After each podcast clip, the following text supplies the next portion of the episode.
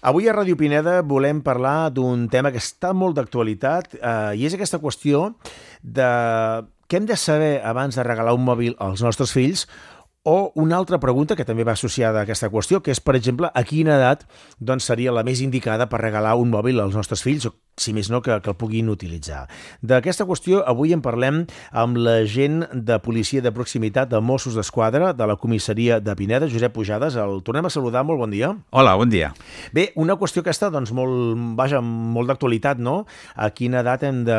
seria la més indicada perquè els nostres fills tinguin mòbil? Mm, d'acord. Uh, hi ha diverses versions. Eh, la, el govern avui dia recomana que com a mínim, com a mínim, estiguin ja al segon trimestre de primer d'ESO. Això no vol dir que ja sigui l'edat recomanada per donar-los, és l'edat mínima recomanada. És a dir, el govern no, re, no recomana que els nostres fills tinguin mòbil abans del segon trimestre de, eh, de, primer, de primer de secundària.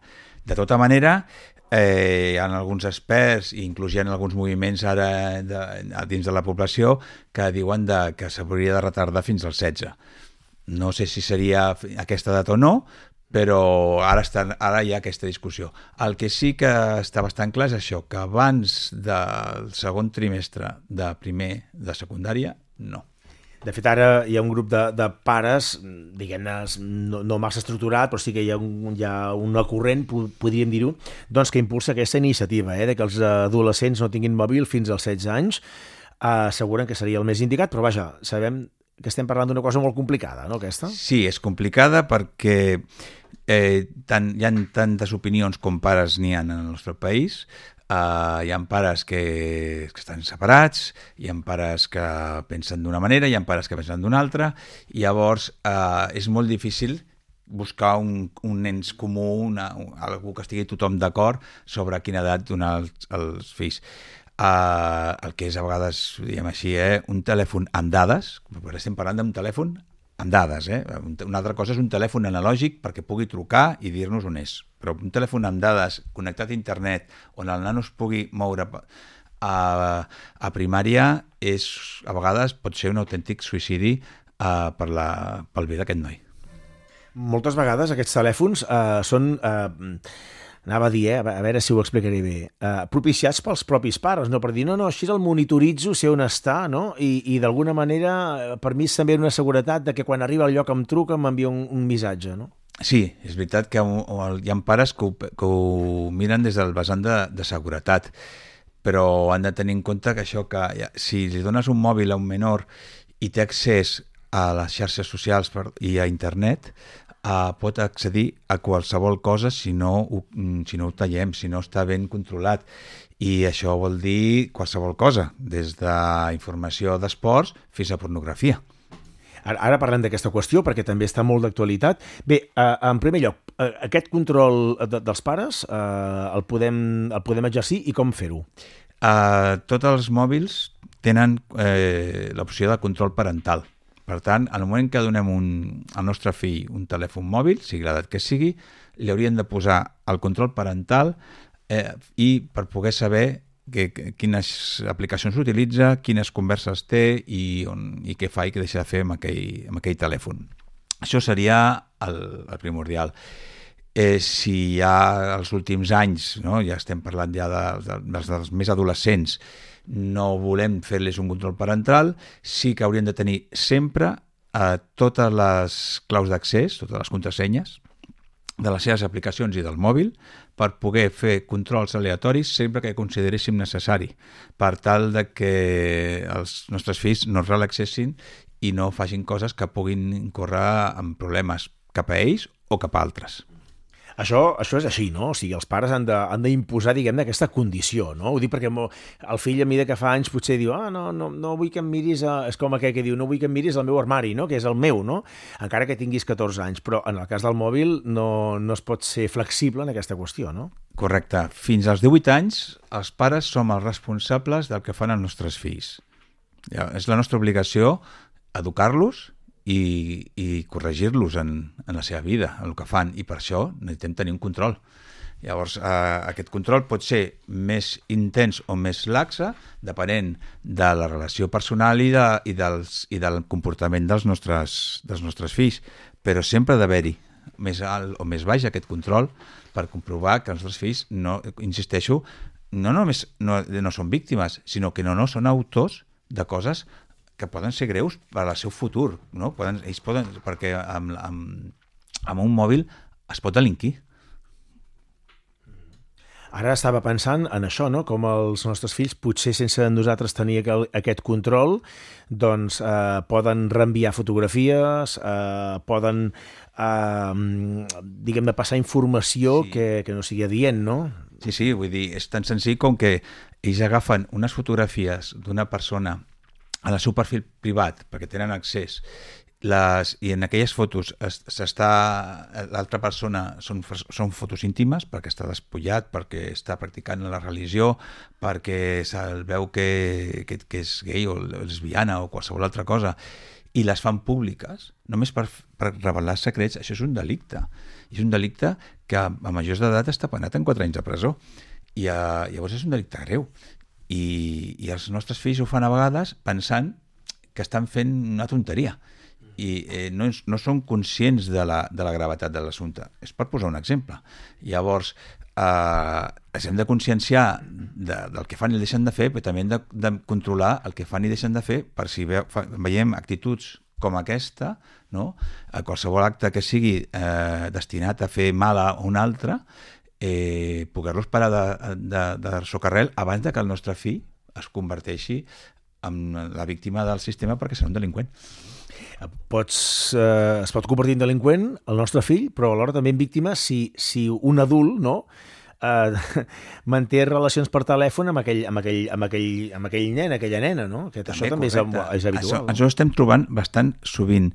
Menors que estableixen relacions eh, afectives amb altres menors, o suposats menors, eh, per, les, per les xarxes i pel mòbil.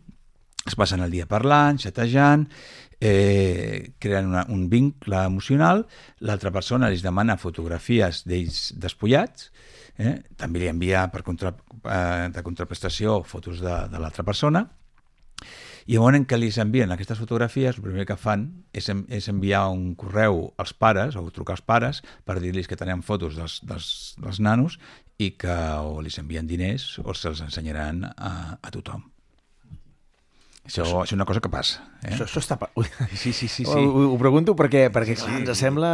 Inclús, eh, inclús a vegades passa en països eh, estrangers, nanos que, que, són, que viuen en, en la pobresa, els tenen contractats, els tenen allà com si fos una fàbrica, els, els, donen, els donen un sou, mm. anem a dir-ho, eh? I llavors realment el teu fill està parlant amb un, amb un altre menor, el veu, el veu, el fa videotrucades, i, llavors, si, i si ell diu que, que li envia fotografies eh, despullat, a mi també li envia, però a l'altre és igual que tu tinguis fotos d'ell, mentre que el, el teu segurament no li, no li agradarà que tothom tingui fotografies seves. Anem a dir-ho així. Déu-n'hi-do, eh? déu nhi. Són qüestions que, eh, clar, quan no hi treballes directament eh, et sobten, no? Però, però xoca. que... Haig de dir que també passa amb adults. O sigui, mm. aquest, això és un tema que li passa tant als adults com als menors.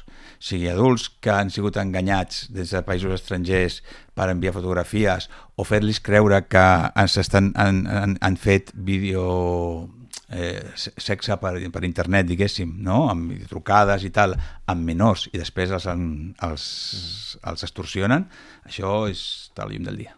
I n'hi ha molts casos. Um, també ens ha xocat aquesta, aquesta informació que hi ha nens i nenes que amb 9-10 anys uh, ja estan mirant pornografia a través del mòbil?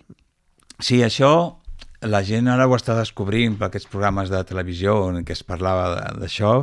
Nosaltres ho portem detectant ja fa uns, uns anys eh, quan fem xerrades als, als centres i és un tema que ens preocupa. Ens preocupa per tota la repercussió en, el, en la formació d'aquest menor que pot tenir el fet de que estigui mirant coses que no toquen d'una manera tan primerenca.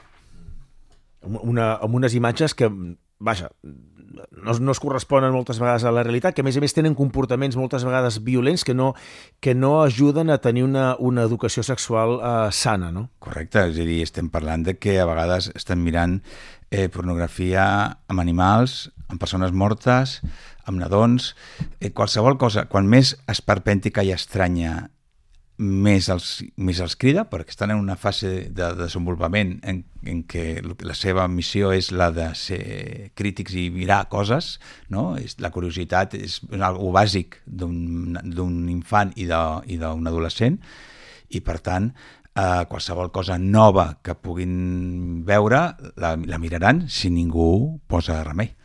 I aquesta actitud que a vegades tenim d'anar als extrems, no? com més bèstia, millor, no? Ah, això mateix. Igual que els esports, de vegades, eh? que més heavy... Clar, ells no són millor. conscients del que estan mirant i, que, i, el que i el que li provocarà a ells en el futur. Mm. Està clar. Bé, avui hem volgut qüesta, tractar aquesta qüestió. Uh, ja per anar acabant, bé, no sé quines conclusions podríem, podríem tenir. Uh, ho hem estat comentant molt bé, però això, no? A l'hora de regalar un mòbil als nostres fills, ara que venen festes i, hi haurà molta canalla que, que l'està demanant als Reis. No sé si... Quins consells, diguem-ne, mm, bàsics, una mica... El primer, el primer i bàsic, els pares, és el de resistir. Resistir i resistir. Uh, per molt que els nostres fills ens diguin que volen el mòbil, que els seus amics ja el tenen tots, que no volen ser l'últim de la fila, moltes vegades eh, els, tota la classe estan dient exactament el mateix als seus pares. Tots estan dient, seré l'últim que, no té, que no tindrà mòbil, quan resulta que no en té cap. I tots, perquè el seu fill no sigui l'últim, els acaben donant el mòbil. Parlar amb els altres pares, tenim xats de, de, segurament de l'escola, comprovar que, els, que, que la resta dels nanos no tenen tampoc mòbil i arribar a l'acord amb els altres pares d'intentar retrasar-ho al màxim possible. Recomanable, com a mínim, que estiguin a secundària eh? i insistir en això.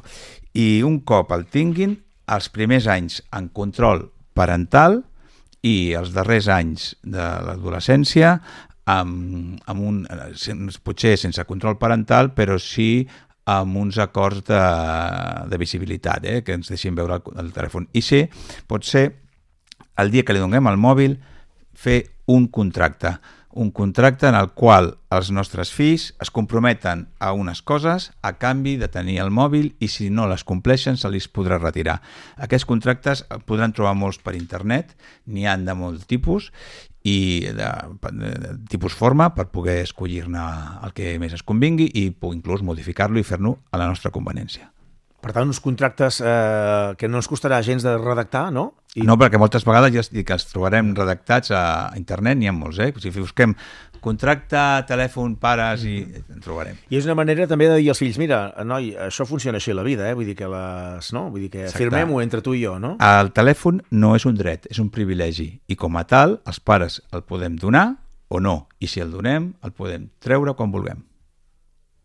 Doncs ens quedem amb aquest missatge contundent, fer servir el sentit comú, eh, la transparència i sobretot també doncs, aquesta comunicació entre pares i fills honesta, no? que al final sigui veritable, pot solucionar molts de, molts de problemes. D'acord. Josep Pujades, agent de policia de proximitat de la comissaria de Mossos d'Esquadra a Pineda, gràcies i molt bon dia. Gràcies, gràcies per convidar-me.